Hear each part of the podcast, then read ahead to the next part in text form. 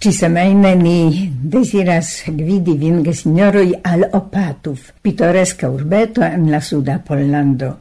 La comenzo de la setlado sur la nuna terreno de la urbo estas difinata je la imperiodo de la deca cae decunua jarcentoj.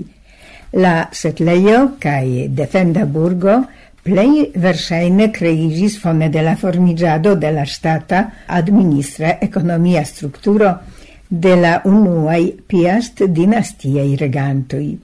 Gi situis sur l'altajo cercao la Bernardena Clostro en la norda parto de la nuna urbo. La nomo Opatuf la unuan foion aperis en documento de princo Kazimierz Sprawiedliwy, Kazimiro la Justa, en 1189. La mencio en interalie Cronico de Jan Długo saludas, che en Opatuf trovigis la unua templo ordena resideia klostro, establita de princo Henryk Sandomierski, kiu partoprenis cruz militoin en la Sancta Tero. Oni dire gi transformigis poste en collegiatan pregeion de Sancta Marteno.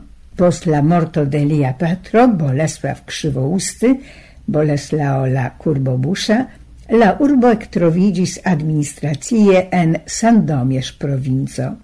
Tio estis momento de gia notinda economia cae demografia evoluo. Opatów trovigis ce la grava komerca itinero conducanta de la Nigramaro tra Sandomierz, Opatów directe al Krakovo. Tra la urbo gvidis ancau komercaj vojoi al Rutenio kaj Hungario. Tio favoris disfloron de metioi, gildoi, tio favoris bazaroin, foiroin, en kies sekvo bon statigis. En 1502, post la lauvice invado kaj urbo detruo fare de tataroi, la urbon kun la ĉirkaŭaj villagioi aĉetis canceliero Krzysztof Szydłowiecki, grava figuro en la urbo historio sub lia regado Opatov denove spertis prosperan disfloron. La urbo estis cercauita de la muron cun kvar pordegoi, oni elkonstruis la urbodomon, la urbain aquoductoin cae baneioin.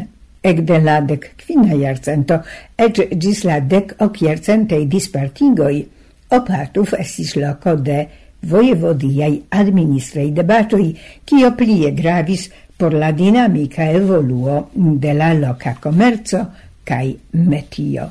Tio finigis ligue cun la tria dispartigo de Pollando, secfe de cio Opatuf ectrovigis en la Austra annexo parto. Sekvis pliei historiei kirligioi en kies resulto la urbo trovigis jen en la Varsovia Princolando, jen en la Pola Regiolando, kiel parto de Zara Rusio. La definitivan malcrescon de gia signifo influis la malsukcesaj contraucare insurreccioi, aparte la januara 1863.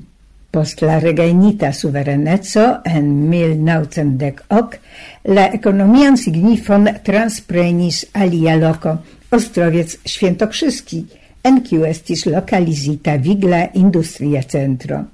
Nun la urbo rolas kiel administra ekonomia centro, en kiu dominas agrikultura produktado, servoj kaj malgranda industrio.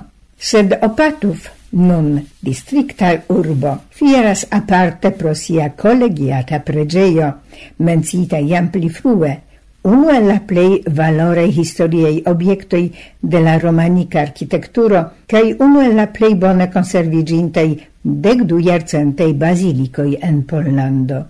Comence de februaro gia collegiata pregeio de Sancta Marteno farigis plia obiecto en la listo de la polei historiei monumentoi. La collegiata pregeio enhavas in gotikajn, renesancajn, barokajn artverkojn, apartan artan kaj scienzan signifon havas spuroi en la romanika periodo.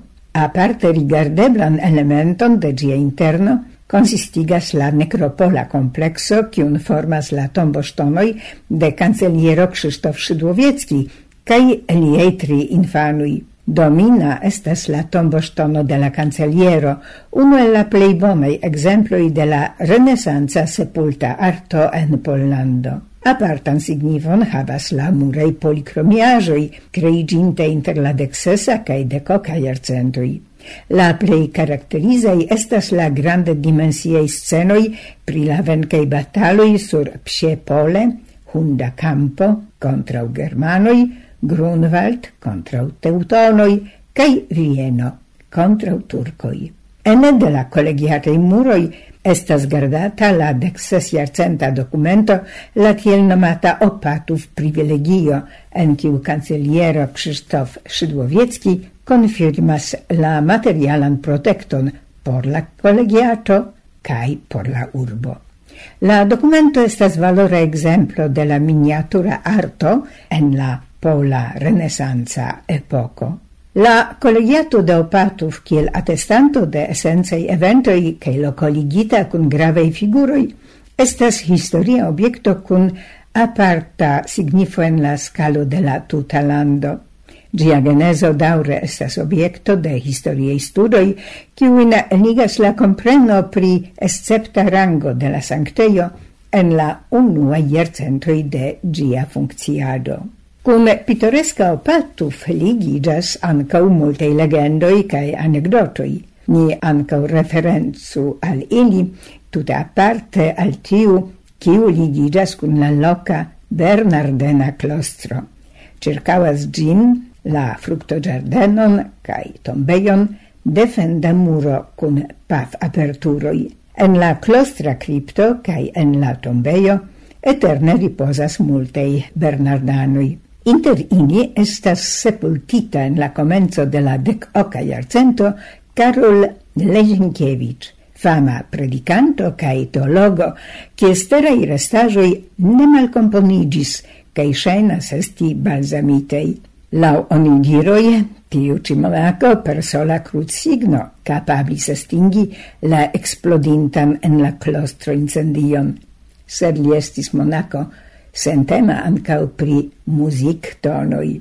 Ciam monacoi kunveninte porciante pregi, kelkajn iaroin post lia morto, ocasis che ilia cantado sonis falsa tone. Ietio en la horeio audidis subite, quasau el sub la planco, frab bruo, quasau la fulmo tondro. Ci ocasis? Montrigis che la cerco covrilon de la pia Karol Lesenkiewicz falis teren cae crome. Lia mano levigis, minac mone por averti la fratularum. Neniu capablis, malgrau plurei provoi, remeti lian manon all'antaua posizio. Tio tamen sangigis, ciam la abato, alvocante la monacan obeemon, ordonis alla minat signanta monaco la manon mallevi. Tiel do ancau ocasis.